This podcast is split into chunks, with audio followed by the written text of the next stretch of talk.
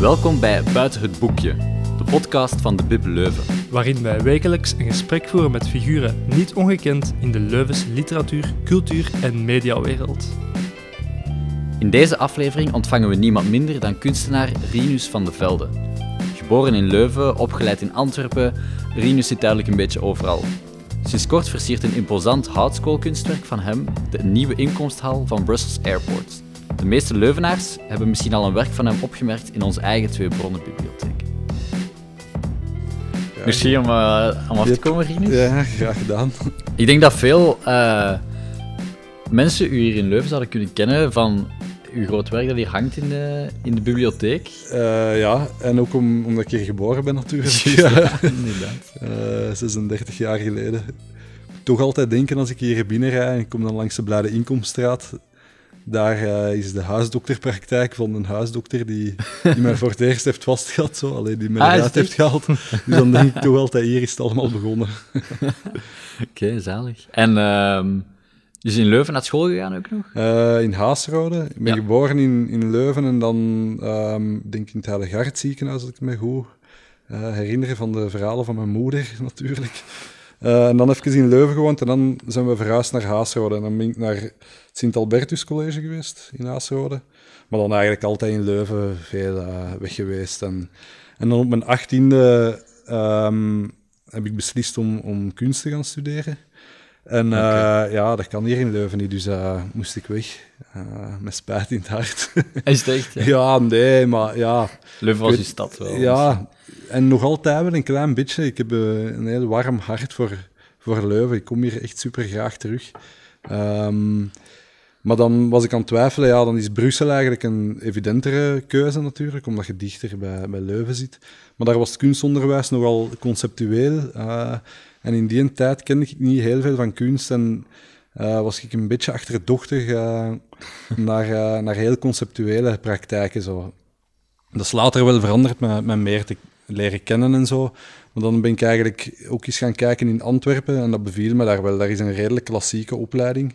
Eh, daar heb ik dan voor gekozen. Dan heb ik ingangsexamen gedaan in de academie in Antwerpen. Maar dan was ik er niet door. Eh, en dat was een, ja, een soort eerste teleurstelling. Ik kwam van Sint-Albertus, waar ik eh, moderne talen wetenschappen had gedaan. En ik dacht van, ja, dat zal wel lukken. Hè. Ik zal daar wel binnen geraken in, bij, bij de beeldhouwers in de academie in Antwerpen. Maar dan, eh, ja, eh, uiteindelijk niet, omdat ik eh, niet matuur genoeg was. Ik ben van november hè, en ik was eigenlijk 17 en ik had ook nog weinig ervaring met tekenen. En zoals ik zei, ik kende redelijk weinig van kunst. Dus ik denk wel dat die dat door hadden. En ik herinner me nog dat ik dan op de trein naar huis zat en thuis kwam met mijn ouders en, en begon te wenen aan tafel. Want dat was dus, ja, een soort droom van mij om aan dat kunstonderwijs Ja, ja, ik te beginnen. wel. Mhm. En dat mijn vader toen zei van, ja, dan gaat je zo voorbereidend jaar doen. Hè. Er bestaan zo zevende jaren voor, Ja, voor ja. een beetje Ja. in te lopen of zo. En gelukkig heeft hij dat gezegd. Hè. En, ehm, en dan heb ik dat gedaan en dan ben ik in Sint-Lucas beginnen studeren in Antwerpen. En dat is een redelijk vrije school, eh, waar ik eigenlijk nog niet bestaan van afwist toen ik in de academie ehm, eh, ingangsexamen deed. En dat is eigenlijk dus wel een goede beslissing geweest om, om nog even een jaar te wachten en zo. Eh, en ja, dankzij mijn vader en mijn moeder waarschijnlijk ook, eh, dat die dat toegepusht hebben. En dankzij twee oudere broers die ik heb, die goed hadden gestudeerd hier aan de Unie van Leuven, die hadden eigenlijk de weg al een beetje voor mij vrijgemaakt. Ik ben de jongste van drie. Ja, Eh. En mijn ouders dachten, laat die maar eh, kunnen studeren en eh, zijn leven weggooien.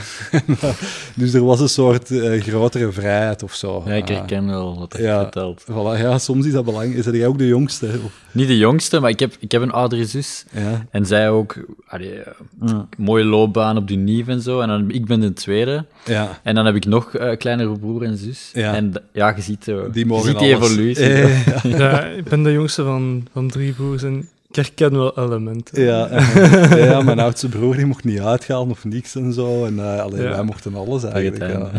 Dus Ja, dat is een groot voordeel. Ja. Die moeten echt de weg vrijmaken. Ja. Ja. En je bent dus in Antwerpen terechtgekomen om te Dan heb ik in. Antwerpen gestudeerd, eh, vier jaar beeldhouwen.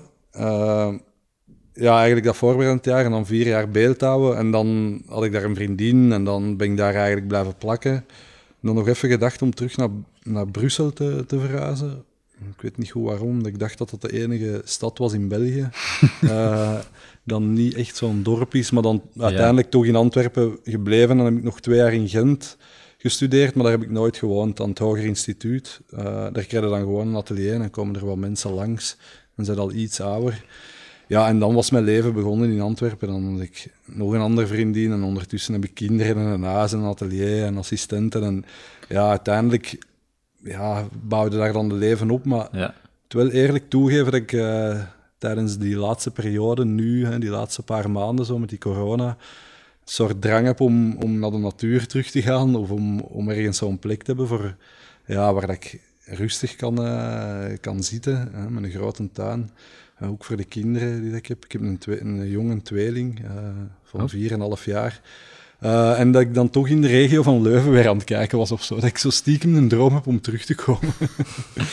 maar ja, we zullen zien hoe ver dat die, ja, waar dat ons dat brengt of ja, zo. Ja, waar staat uw atelier? Mijn atelier is eigenlijk uh, achter in de tuin. Dus wij okay. wonen uh, van voor, hè. ik met mijn vriendin en ons twee kinderen. En dan stapt een tuintje door, dat is redelijk klein. En dan zitten we direct in het atelier. Dus alles is super verbonden met elkaar. Um, ik hou niet zo van een opsplitsing tussen mijn leven en mijn werk. Dat heb ik eigenlijk nooit echt gedaan. Uh, alles loopt in elkaar over. Mijn vriendin komt in een atelier binnen de hele tijd. Ik ga naar boven terug. De kinderen komen, lopen overal rond. En voor mij werkt dat wel goed, omdat ik ben ja, echt een atelierkunstenaar. Uh, iemand die dus inspiratie haalt vanuit zijn atelier en niet door rond te reizen of zo. Ik ben daar het meest op mijn gemak en ik wil daar zoveel mogelijk van een tijd uh, spenderen. En dan is dat wel goed om dat leven ook dicht bij u te hebben, uw familiaal leven en zo. Ja. Al moet ik wel zeggen dat met de komst van de kinderen is er natuurlijk een ander ritme ontstaan. Uh, ja, vier en een half jaar geleden of zo heb ik me toch wat moeten aanpassen, waar dat vroeger ja, een soort totale obsessie was en, en enkel en alleen bijna dat over dat werk ging en over, over mijn werk uh, komt er nu toch nog wel een ander aspect ook uh, bij kijken. Ja. Hoe komt het eigenlijk dat je als zo'n jong kind, zeg maar, 17-jarig of 16-jarig, mm -hmm. aangetrokken waart tot kunst? Ja, ik, um, ik wist nooit goed wat ik moest doen. Um, uh, dat heeft, ja, ik, ik was eigenlijk een jongen van, van allemaal bevliegingen. Hè. Dan kocht ik een drumstel en dan dacht ik, ga een drummer worden. Mm -hmm. Dan een gitaar en dan dacht ik weer, ik ga worden een rockgitarist. Uh, of dan kocht ik een skateboard en dan dacht ik dat ik Tony Hawk was of zo. Maar bij al die dingen merkte heel snel dat je dat niet kunt. Snap je? Als je op een gitaar speelt, ja, je familie waar dat je dan woont, die horen van, ja, die kan het niet. Of als je skateboard hebt, ja, en je gaat op, op je zak, ja, dan weet je dat je niet Tony Hawk bent. En dan op mijn zeventiende heb ik eens een tentoonstelling gezien uh, in Parijs. Dat was in het jaar 2000 en we gingen naar... Uh, ik heb dat verhaal wel al veel verteld, maar ik zal het nog eens vertellen. um, voor de, zo de millennium, uh, millennium Turn gingen we dat in Parijs vieren, zo 99 na 2000. Met een aantal vrienden. En ik was toen 16 of, of 17. En ik herinner me nog dat die gast, dat was ook iemand van Leuven, Oscar van Rompuy, een, een acteur nu die zei van, uh, kom, we gaan eens naar het museum. Die kwam uit een iets cultureel, cultureler gezien, waar dat ze... En die was dan meer gewoon of zo. Ik zei, ja, nee, we gaan toch niet naar het museum. Ik wil hier gewoon wat rondhangen en wat jointen roken en wat skaten en zo.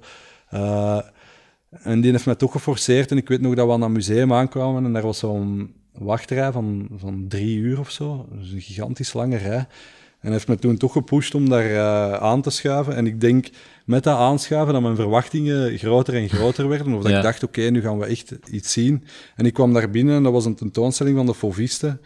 Uh, en ja, ineens had ik door van, tja, dat is een super maffe wereld eigenlijk. Dat, die... dat is een soort schilderstijl. Ja, dat is een schilderstijl ja. van in het begin van de 20e eeuw, waarin dat, dat, dat is eigenlijk een voorloper van het expressionisme. Mm. Dus je ziet eigenlijk de werkelijkheid in heel maffe kleuren en heel maffe vormen. En ik had altijd het idee daarvoor dat kunst erover ging om zo goed mogelijk een werkelijkheid na te bootsen. Hè. Als ik jullie twee hier zie zitten, om jullie zo goed mogelijk hier te kunnen portretteren.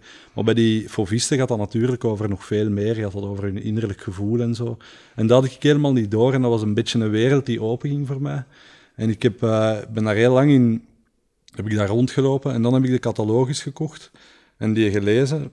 En dan ben ik terug naar, naar Leuven gekomen na die trip en ben ik hier in de standaard boekhandel, dat was vroeger nog in de Naamse straat, uh, gaan kijken tussen de kunstsectie en daar heb ik een boek gepakt, Eeuwige Schoonheid van Gombrich. ik wist toen niet wat dat was, maar dat was een dikke boek en dat zag eruit als kunstgeschiedenis. Maar achteraf bleek dat een hele goede boek te zijn, omdat dat ook in een hele normale taal is geschreven en eigenlijk u doorheen heel de kunstgeschiedenis leidt. En die heb ik dan helemaal gelezen en eigenlijk door te lezen ben ik daar meer en meer ingerold. En na een tijd dacht ik van misschien moet ik dat zelf ook eens proberen. En dan ben ik op mijn kamer thuis in Aasrode beginnen tekenen. En het goede voordeel, allee, het voordeel daaraan was dat dan niemand mij direct kon zeggen van ja, je kunt dat niet. Hè? Zoals met die gitaar of met dat skateboard of zo. Dus ik had eigenlijk tijd om in alle rust iets te ontwikkelen. Ehm, en ik heb jaren en jaren zitten tekenen. Allee, jaren en jaren, nu overdrijf ik. Uh, twee jaar intensief zitten tekenen in mijn kamertje. En stilletjes samenwerken daar beter en beter in. Maar dat is niet dat ik een heel groot talent daarvoor had of zo. Dus daarom dachten mijn ouders ook in het begin van, ja, is dat niet weer een van zijn bevliegingen en zo? En zijn ik ze des te dankbaarder dat ze dan toch hebben geloofd van, oké, misschien moeten we hem daarin laten geloven of zo. Hè? En die wereld is altijd maar groter en groter geworden. Hè? Dan in Antwerpen met te studeren. Ja, dat is die kunstgeschiedenis. Dat is een ongelooflijke plek waarin dat zoveel is gebeurd. En je leert altijd maar nieuwe dingen kennen en zo. Uh, en, en zo is dat gekomen en dat is nooit weggegaan. En dat is, dat is altijd een soort obsessie gebleven en iets waar dat je beter en beter in wordt en ja, ja. meer en meer leert kennen. Maar het is wel interessant dat je daar pas allee, op je 16 zo mee begonnen bent met dat tekenen. Ja, uh Straf. Hoe, zei, hoe heb je eigenlijk de overgang gemaakt van uh, enerzijds het tekenen naar zo echt dingen bouwen in je atelier? En, uh... Ja, um, dat is heel geleidelijk aangegaan. Dus ik heb beeldhouwen gestudeerd wel. Ja. Maar dat was meer onder impuls van een beeldhouwer, uh, Jan de Groef, in, en die woonde in uh, Haasrode. En dat was zo ja, de enige kunstenaar die dat ik kende en die dat dichtbij was. Hè. Dus ik ging daar altijd uh, op bezoek. en die was zo vriendelijk om mij in zijn atelier binnen te laten.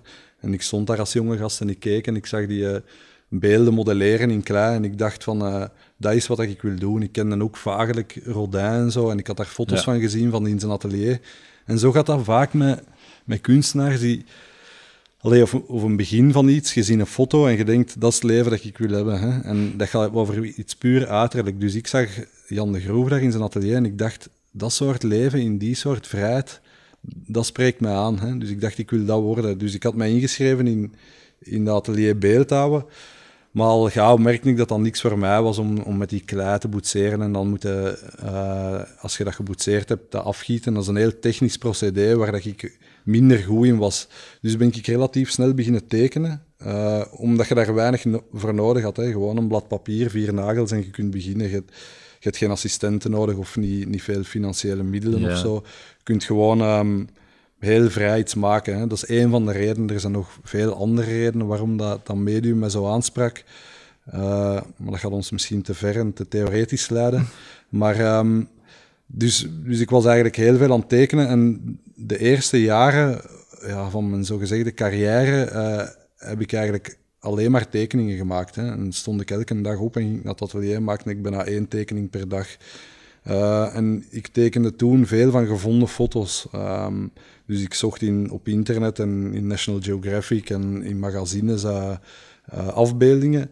En die afbeeldingen, ik beelde me dan in dat ik de persoon was op die afbeelding. Dus ik las nooit die artikels of zo, maar ik bouwde eigenlijk een eigen verhaal gebaseerd op die gevonden foto's. En mijn idee was om zo een hele nieuwe structuur te bouwen en een heel nieuw universum uit te tekenen waarin dat ik het hoofdpersonage was. Maar op den duur begon dat een beetje ja, lastig te worden, dat ik altijd die foto's... Um, afhankelijk was van die foto's die ik kon, maar kon vinden of zo online of, of in, in magazines. dan dacht ik, misschien moet ik mijn eigen foto's beginnen nemen. Dan, dan was ik al bezig met dat idee van die fictieve autobiografie. Hè? Dus om, om mijn leven uit te tekenen, een leven dat ik nooit heb gehad. Hè? Een soort narratief en een, een, nieuw universum te maken. Dus ik dacht, misschien moet ik in mijn atelier um, dingen beginnen bouwen. Hè? Een soort fictie bouwen. Me daar zelf inzetten, me laten fotograferen en die foto eigenlijk te gebruiken als basis voor, voor mijn tekening. Dus zoals een traditionele schilder heel veel schetsen zou maken tot hij uiteindelijk zijn doek uh, begint, dacht ik, ja, ik ga een heel decor bouwen Uh, om dan uiteindelijk daar een foto van te trekken. En dat is dan zogezegd mijn schets om te beginnen aan mijn groot werk. Uh, en zo is dat eigenlijk begonnen, dat ik die decors ben beginnen bouwen in mijn atelier. En eerst was dat heel uh, simpel, hè? gewoon een tafel en twee stoelen en zo. Maar naarmate dat een tijd vorderde, werd dat altijd groter en groter en werden die installaties groter en groter en werd dat deel van mijn werk eigenlijk even belangrijk of zelfs belangrijker dan, uh, dan die tekeningen. Want veel mensen beschouwen me nog altijd als een tekenaar, terwijl ik eigenlijk meest van de tijd bezig ben met die, installaties te maken, in mijn atelier, om dan uiteindelijk die foto te nemen. En die tekening is, is meer een executie van iets, de allerlaatste stap en dat afmaken. Daar, het eindpunt van eigenlijk. Daar kruipt ook niet zoveel tijd in, omdat er dan weinig beslissingen nog moeten genomen worden. Alle beslissingen zijn in die maand vooraf gebeurd van hoe moet die wereld eruit zien of zo. Ja. ja. Ik vind dat wel super inventief in alle eerlijkheid, want ik heb zo foto's gezien van... Ehm, ik weet niet hoe lang het dat geleden was, maar dat je een diner had nagebouwd. Ja, uh Ja, dat sprak me wel heel hard aan, vond ik. Zo de manier waarop dat nagebouwd was, maar met zo'n andere materiaal, zo karton en zo. Ja, ja, we proberen alles ja, dan ehm, te bouwen in het atelier. Hè. Die diner is eigenlijk uh, de eerste set die ik gemaakt heb voor een film die ik uh, toen heb gemaakt. Dat is de eerste film dat ik heb gemaakt, waar ik twee jaar aan heb uh, gewerkt. En nu zijn we aan een tweede film bezig. Maar um, ik wil eigenlijk dat die film, die speelt zich volledig af in mijn atelier. Hè. Allee, je ziet dat niet of je kunt dat wel doorhebben, dat je, je, ziet dat dat fake is allemaal, maar ik wil niet naar buiten gaan om, uh, om een scène te filmen. Dus ik dacht, ik wil een scène hebben in een diner. Ja, dan kun je oftewel een diner gaan zoeken in België, maar dat vinden niet. Toch niet degene die dat, ja. die dat ik wou uh, filmen. Dus dan dacht ik, oké, okay, we maken die zelf. En van zodra dat je alles zelf begint te maken, komt daar ook iets culturaler uh, bij kijken. Bijvoorbeeld, daar moet een plant in staan. Ineens wordt die plant ook een soort sculptuur en krijgt je al een soort abstracte vorm. Uh, en dat interesseert me wel, dat je die werkelijkheid abstraheert, uh, hè, dat die plant iets abstract wordt. En dan vaak maak ik daar dan nog een tekening van en dan wordt dat nog iets abstracter. Dus dat, dan dat eigenlijk een soort twee uh, abstracties verwijderd van de realiteit of zo. Ja. En um, dus ja, dat is eigenlijk de enige regel dat we, dat we hebben in, in ateliers. Uh, van we blijven hier binnen en we bouwen alles na. Dus als er een auto in voorkomt, koop ik geen tweedehands auto en rijd ik die dan binnen in het atelier en dan bouwen we een auto. Omdat ik ook wil dat dat het idee van die auto is. Snapte? Die een auto die in mijn hoofd zit, een beetje een stripboekachtige auto. Hè. Als wij nu aan een auto denken, je kunt dat niet helemaal bedenken in, in al zijn detail. Als je een auto koopt, dat is de realiteit is bijna te, te gedetailleerd of zo op een of andere manier. En als je een auto bedenkt, is dat een soort vorm van een auto. Of, en die, die een auto wil ik in mijn film of in mijn tekeningen hebben. Die eerste primitieve ideeën van objecten. Zo. Ja, en met dat je eraan aan het werken bent, komen er wel een paar details in, maar dat is mijn wereld. Persoonlijkere details. Ja, uh en dat is, ja, voilà. Dat is, en ik wil dat die wereld dat ik die dan heb ontworpen uh, en dat dat niet de realiteit is. Ja. Eigenlijk dat je. Uh, allee, in die zin heb je nog meer controle over je kunst dan mensen die de echte realiteit zouden gebruiken. Is dat bewust dat je die, die controle graag meer hebt? Uh, ik denk dat wel ergens, ja. Dat, dat ik um, alles kan anseneren. Ik denk dat dat ook vanuit een weigering komt om zo mails te zitten sturen naar dan uh, eigenaars van diners van mogen wij hier komen en ik hou niet van, van zo heel logge dingen. Terwijl dat eigenlijk wat ik doe heel logisch. Ik bouw een hele diner na, maar voor mij voelt dat heel flexibel en luchtig aan en zo. Hè. Dat was ook een van de redenen waarom dat ik ben beginnen te tekenen, omdat dat zo'n vluchtig en, en geen vluchtig, maar een, een heel simpel medium is. Gewoon dat blad papier, die vier nagels ik heb geen zin om, om met mensen te moeten dealen die zeggen van ja, je kunt van 9 tot 12 hier komen filmen, maar we hebben maar twee stopcontacten en je mag zeker niks in brand steken of je mag niet binnen roken of zo. Ja, ja ik wil gewoon volledige vrijheid en ik wil... Uh, je wilt constant met de kunst bezig zijn. Voilà, ja, dat is zo'n groot deel van mijn leven. Ik wil ook binnenkomen in een atelier en daar de ene maand een diner in staan en de volgende maand staat daar een jungle. Wel, dat vind ik een interessant gegeven. En, je atelier is altijd anders. Ja, dat is constant in transformatie. Dus nu staat er bijvoorbeeld een, een onderwaterwereld. Dat is een scène uit de film, dat die, die springt onder water, die een acteur. En ineens komt hij in zo'n soort koraalrif. ik vind dat ongelooflijk om die atelier binnen te komen en daar nu een koraalrif te zien staan. En dan na een maand ben ik dat weer beu, heb ik dat gezien.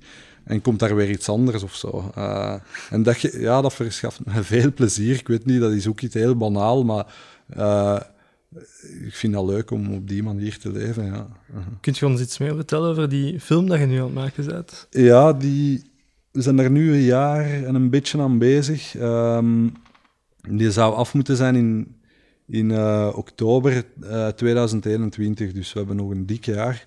En uh, die had eigenlijk, dat is maar één acteur, in tegenstelling tot in de eerste film, waar dat er heel veel acteurs waren. En dat zijn eigenlijk allemaal vrienden van mij.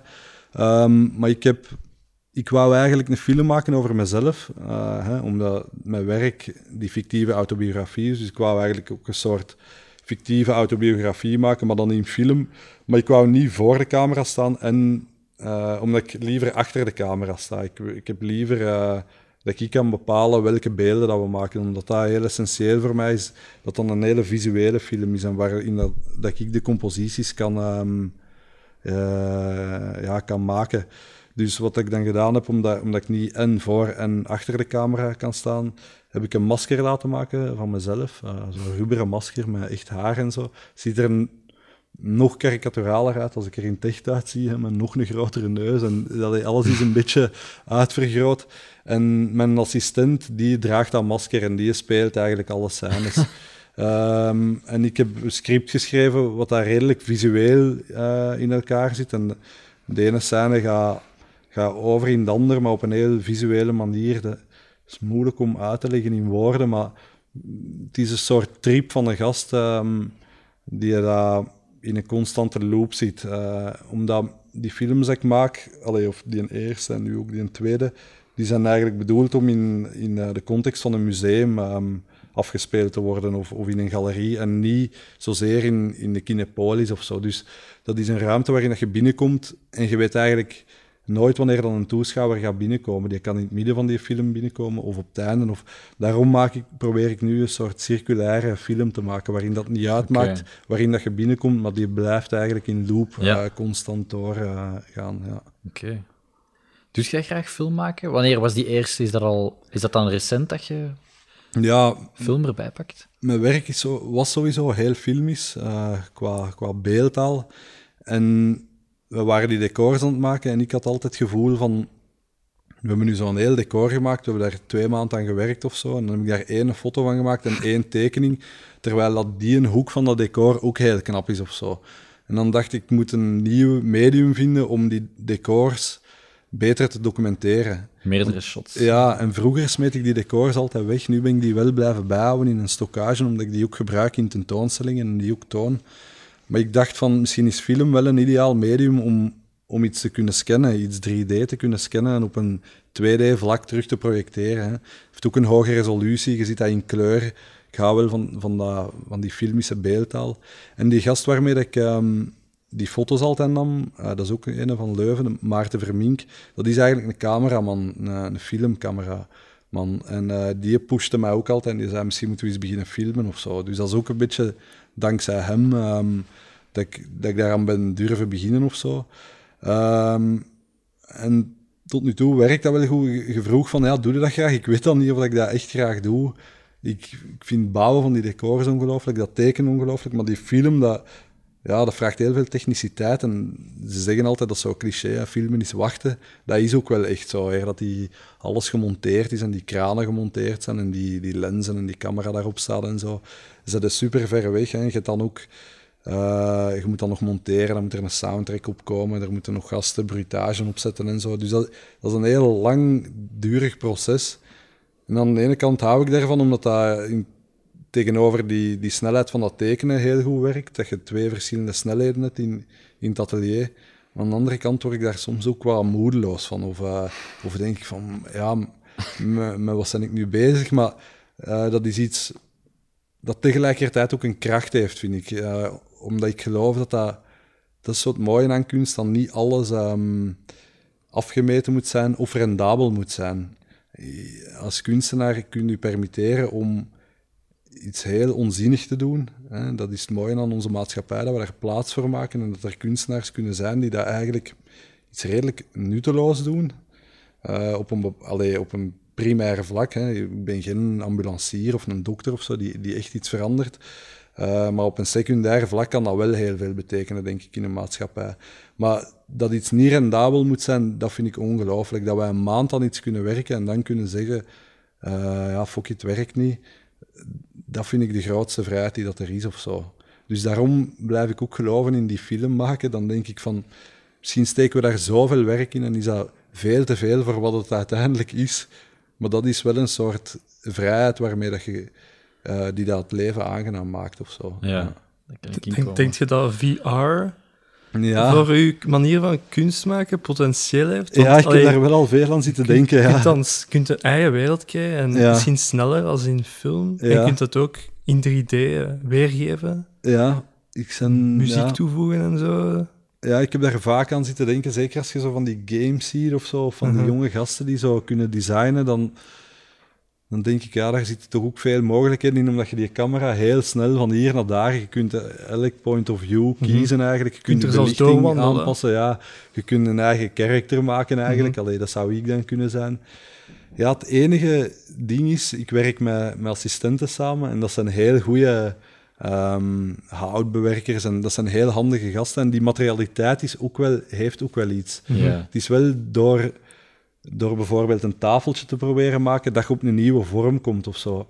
En ik ken die wereld van VR of die een hele, ja, dat, dat technologische daarachter niet goed genoeg om daar een soort vrijheid in te hebben. Mhm. Ik heb schrik dat ik dan ja, daar vast in ga zitten en niet en dat hebben we niet als we, als we met hout of karton of, of tekenen uh, werken. Dan, ja, dan um, gezaagd een plank uit en dan denkt je, ah, daar moet toch nog een stukje af en dan schaafde dat eraf. Dat zou heel veel tijd kosten om, om ons te herscholen eigenlijk. Mm Oftewel moet ik heel mijn atelier ombouwen en daar een heel strak ding van maken met allemaal computers en allemaal nieuwe gasten aannemen die supergoed zijn daarin. Maar dan word ik zo'n soort manager die zo over de rug van, van de jonge gast moest kijken en moet zeggen van ja, die tafel moet iets groter of zo. Ik weet niet of ik daar evenveel plezier van zou... Je verliest sowieso het fysieke aspect van het creatieproces. Ja, en er zit heel veel plezier ook in, in te schilderen. Zo. Gewoon, mhm.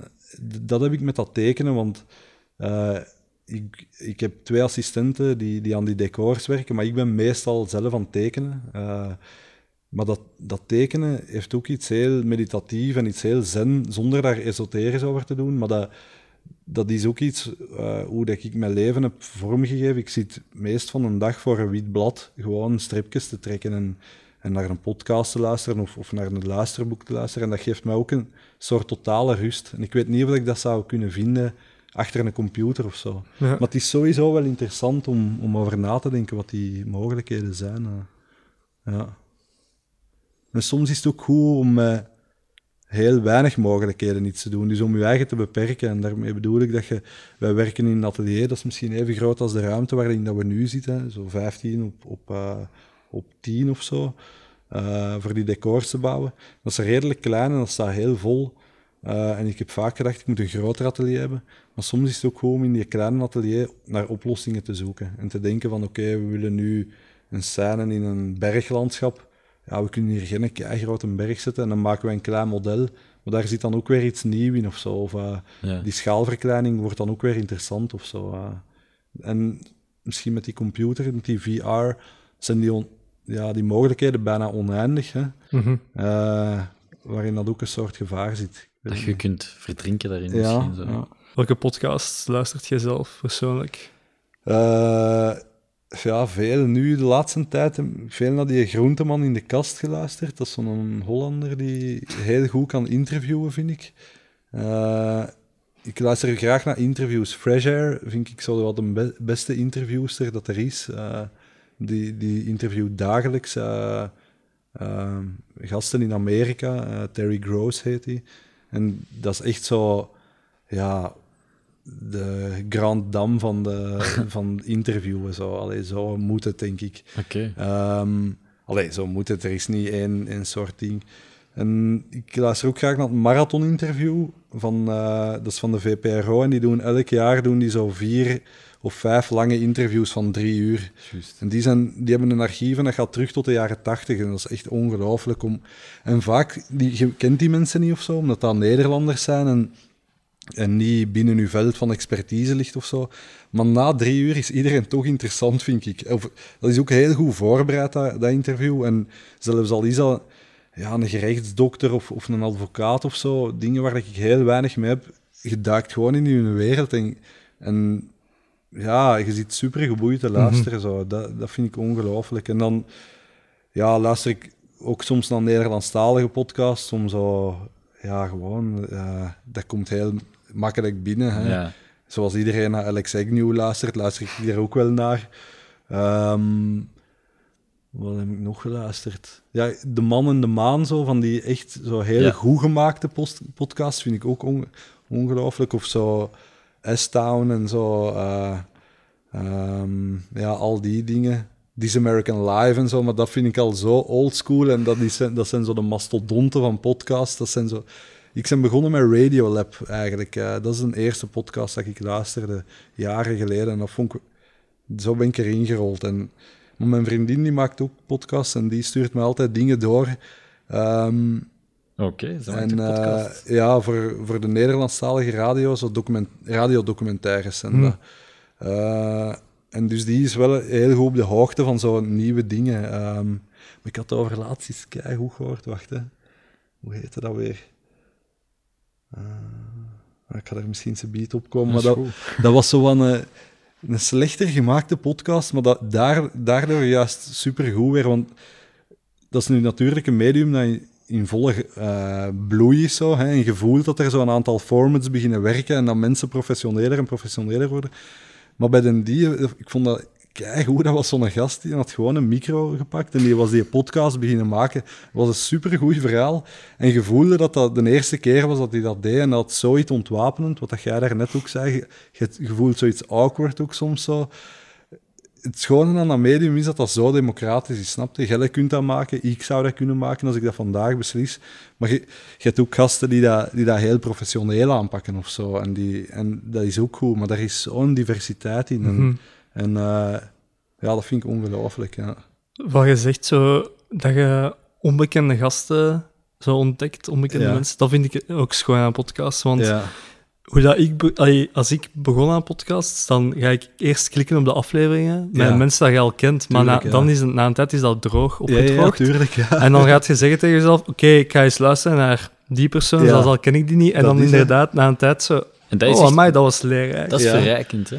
En ik denk, want dat is zo long format en zo, als creatieveling, ik denk zeker als kunstenaar kan ik er heel goed in komen dat je dan ook graag luistert naar mensen waarvan je zou denken, ja, daar heb ik niks, Niks mee. mee, ja. Maar toch, Ja, elk, die hebben toch allemaal zo'n verhaal. ja, en er zitten veel toch ehm, vergelijkbare dingen in. Zeg. Men, allee, dat gaat dan over het menselijke gewoon. En zo'n advocaat, die, die is ook met dingen bezig waar dat ik mee bezig ben in mijn job of zo. Of je, eh, alhoewel ik toch ook altijd denk, ik hou er weinig van over. Ik denk altijd van, ik moet dat onthouden. Maar dat, dat is ook iets heel vluchtig. Maar ja, dat had ook met boeken lezen, vind ik. Je leest ja. een boek en vijf jaar nadien denkt je van, over wat ging dat eigenlijk weer? Ja, juist.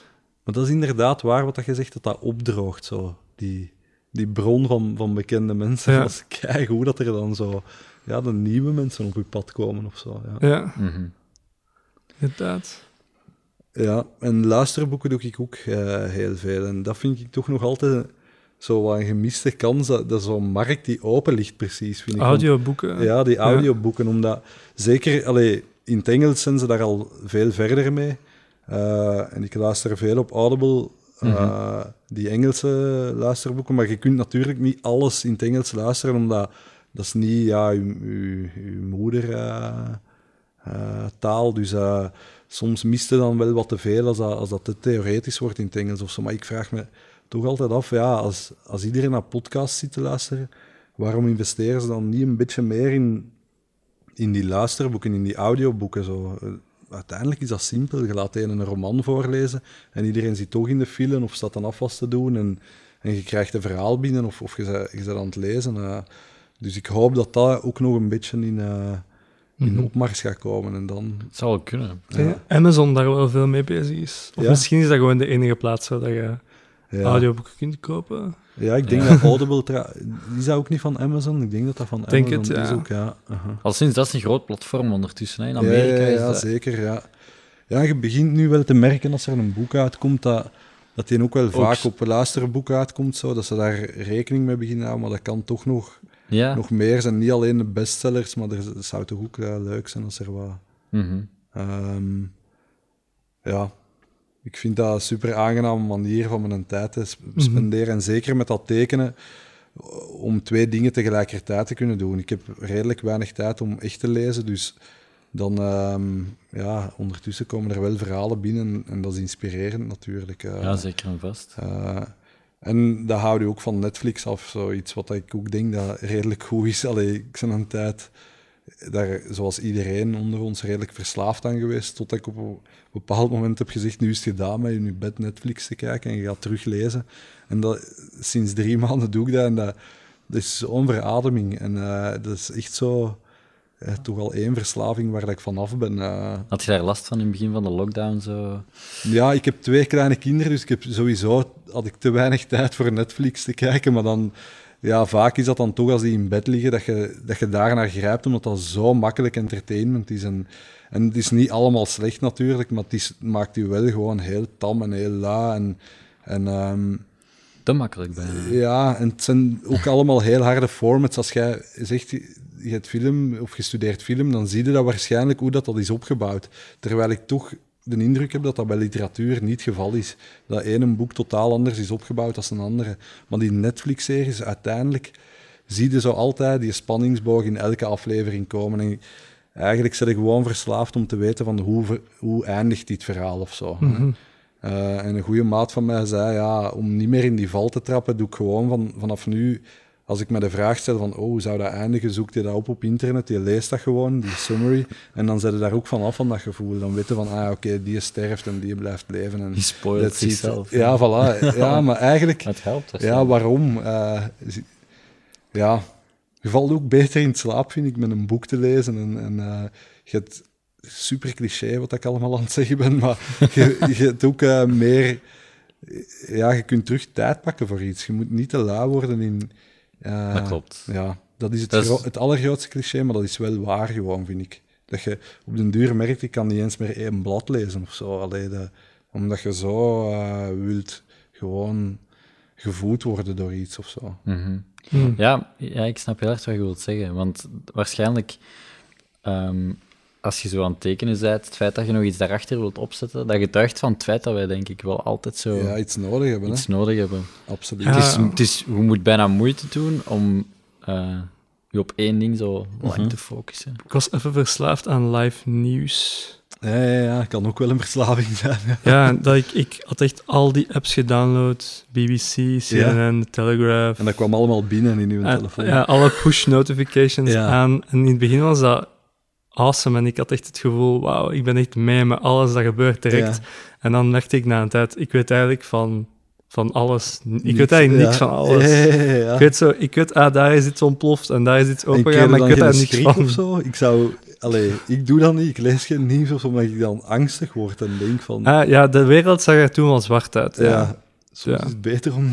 en nu je dat er allemaal afgegooid, of niet? ja, nu heb ik... Ik, ik heb nu een abonnement op de correspondent, dat Ja, zo dat is goed, digested ja. news is. Ja. Dus dan krijg je analyse Kijk, achteraf. En dan staat er ook bij zoveel leesuur of zo, of zoveel minuten Ja, hadden ja, inderdaad, er staat van boven bij zo 15 minuten leestijd. Dat vind ik ook wel een keigoede oplossing. Voor zo al die mensen die zo niet meer... Allee, dat je zo gewoon van in het begin weet, oké, ik kan hier 15 minuten aan kwijt zijn of, of mee bezig zijn. Ja. En dat, dat is wel slim gedaan van die mannen. Dat is wel goed. Ik, ik wou het nog hebben over ehm, onlangs. eh zijn er door Brussels Airport gevraagd Ja. om eh, daar Ja. iets te doen voor de inkomsthal? Ik ben eigenlijk gevraagd door de Bozar, eh, het museum in Brussel, en die zijn gevraagd door de koning om iets te maken voor de Nationale Feestdag. Dat, zo is het eigenlijk begonnen. Oké, is van de koning eigenlijk. Ja, dus eigenlijk is het een indirecte vraag van de koning. Maar eh, ehm, ik ga een tentoonstelling doen in Bozar in 2021.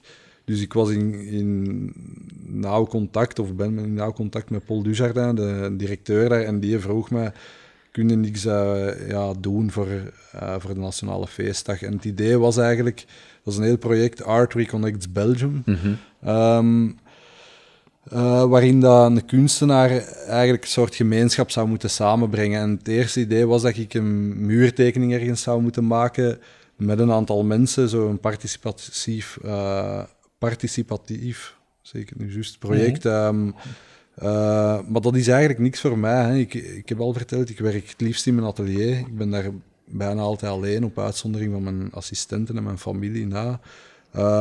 Dus ik ben niet echt de gast die op een muur iets gaat tekenen. En ik kan daar niet tegen dat er dan mensen zitten te kijken. Dan, dan voel ik me te veel zo'n aapje in een circus dat een trucsje aan het opvoeren is. En om met mensen samen te werken is ook niet, niet echt iets voor mij. Voor mij vrij, allee, mensen die ik niet ken uh, samen te werken. Dus ik, had tegen Dujardin gezegd van ja, ik denk niet dat dat iets voor mij is. Um, wat ik wel kan doen, is een groot uh, doek maken hè, en dat schenken aan de staat België. Hè. Dat is belangrijk dat dat België is en niet, niet Vlaanderen voor mij. Uh, en dan zou ik dat graag hangen in, in Zaventem, omdat dat de plek is waar dat, uh, mensen samenkomen hè, en dan natuurlijk ook vertrekken naar overal. En dat dat een plek is, omdat het moest ook gaan over die, die coronacrisis en zo. Ik dacht, ja, dat is een plek die super hard is getroffen of waar daar heel veel veranderingen gaan zijn. Uh, ook in de toekomst. En dat we op een andere manier gaan moeten nadenken over hoe dat wij reizen en zo. Natuurlijk ook met die klimaatopwarming. Uh, dat, we daar, dat we daar bewuster mee gaan moeten omgaan. En die plek, Zaventem heeft altijd zoiets iets mythisch, vind ik. Uh, vroeger gingen daar soms goede werken, maar de laatste tijd, als je daar komt, is dat toch wat bevuild door allemaal lichtreclames en, en, grote billboards van jumbo-jets en zo. Dat ik dacht, dat is zo'n schone ruimte, dat zou ook een kunsthal kunnen zijn. Waar dan mensen, tenminste op een aangename manier, op hun vliegtuig kunnen wachten of, uh, en, en iets kunnen zien. Uh, dus, uiteindelijk zijn mensen daar een aantal uur aan het wachten meestal. Ja, ja, absoluut. Dat is een plek waar dat je meestal langer blijft dan in een museum zelfs. En dat is een gigantisch groot, uh, grote plek, dus het zou een gigantisch groot museum kunnen zijn. Is het de inkomhal? Ja. Uh -huh. ah. En ik zou... Ik vond dat ook leuk om, ja, om iets terug te doen, allee, om genereus te zijn eigenlijk naar de staat België dan, hè, maar dan ook gewoon naar de gemeenschap eigenlijk wat ik daarnet zei, van de, dat ik daar heel veel respect voor heb en dat een gemeenschap plaats geeft aan mensen zoals mij, dat ik kan werken. Hè. Uh, ooit in het begin van mijn carrière heb ik ook subsidie gekregen. Hè. Dat is iets, ja, de maatschappij heeft mij ondersteund om, om dat te kunnen ontwikkelen. Hè. En nu ben ik wel deel van die maatschappij en betaal ik belastingen en zo. En, maar dat is ook, ik heb onderwijs genoten en zo. Uh, het heeft ook iets gewoon om iets terug te kunnen geven of zo. En dat is uiteindelijk, ja, wat ik ook terug kan geven, is, is een werk of zo. En uh, ik vond dat een mooi symbool om dat dan te schenken aan, aan, uh, aan alle Belgen, zo gezegd. Om het heel soft en cheesy te zeggen of zo, ja. ja. Volgende keer slaan we een babbel met Leuvenschepen van cultuur, de Niese van Voort. Bedankt om te luisteren. Tot de volgende.